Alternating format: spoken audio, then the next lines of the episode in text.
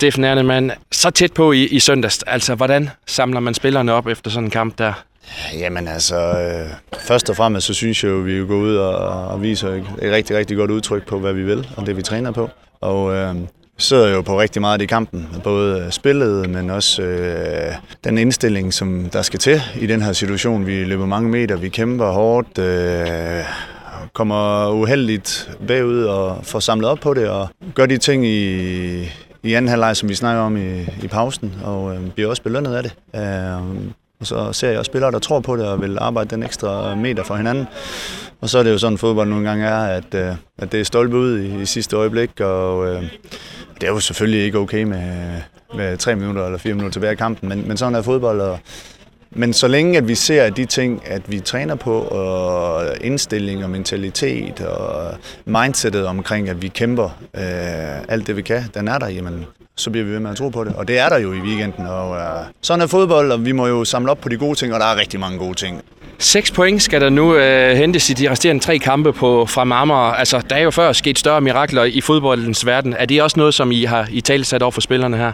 Ja, selvfølgelig. Altså, altså, der er sket større mirakler. Og, men altså, vi, først og fremmest skal vi fokusere på os selv. Altså, vi kan ikke bruge tid på alle mulige ting udenomkring og alt muligt andet.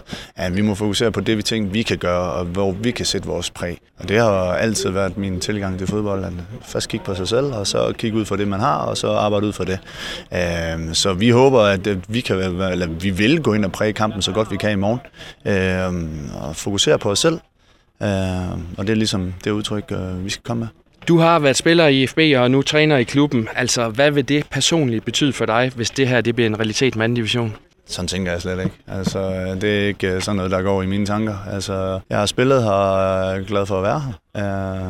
Jeg er glad for arbejdet med teamet og også med spillerne. Og det er der mit fokus, og jeg tager en dag i gang. Og, og det andet, det er, som jeg siger, jeg, har, jeg lever endnu. Altså, jeg kan ikke leve om 14 dage eller 3 uger i forhold til det, vi står i nu. Så jeg har fokus på, på kampen i morgen, og så alt det andet, det holder jeg ud fra. Øh, og det bruger jeg ikke min tid på.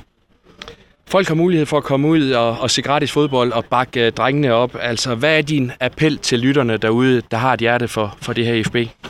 Jamen, kom ud og støtte os, øh, også i den her situation. Uh, selvfølgelig, hvad jeg synes, der var uh, rigtig godt tryk på lægterne her i weekenden. Altså, det var fedt, der var en god opbakning, og der var uh, masser af positivitet, og Altså, vi havde jo en 12 mand i ryggen, og det var den følelse, vi stod også øh, med. Altså, øh, og vi gav den fuld gas, øh, og det gjorde tilskuerne også. Så det er også bare et appel til, til folk derude, kom og støtte os. Kom og være med til at, at hjælpe drengene i den her situation. Øh, fordi øh, det er ekstremt vigtigt, at man føler, at man har en 12 mand bagved.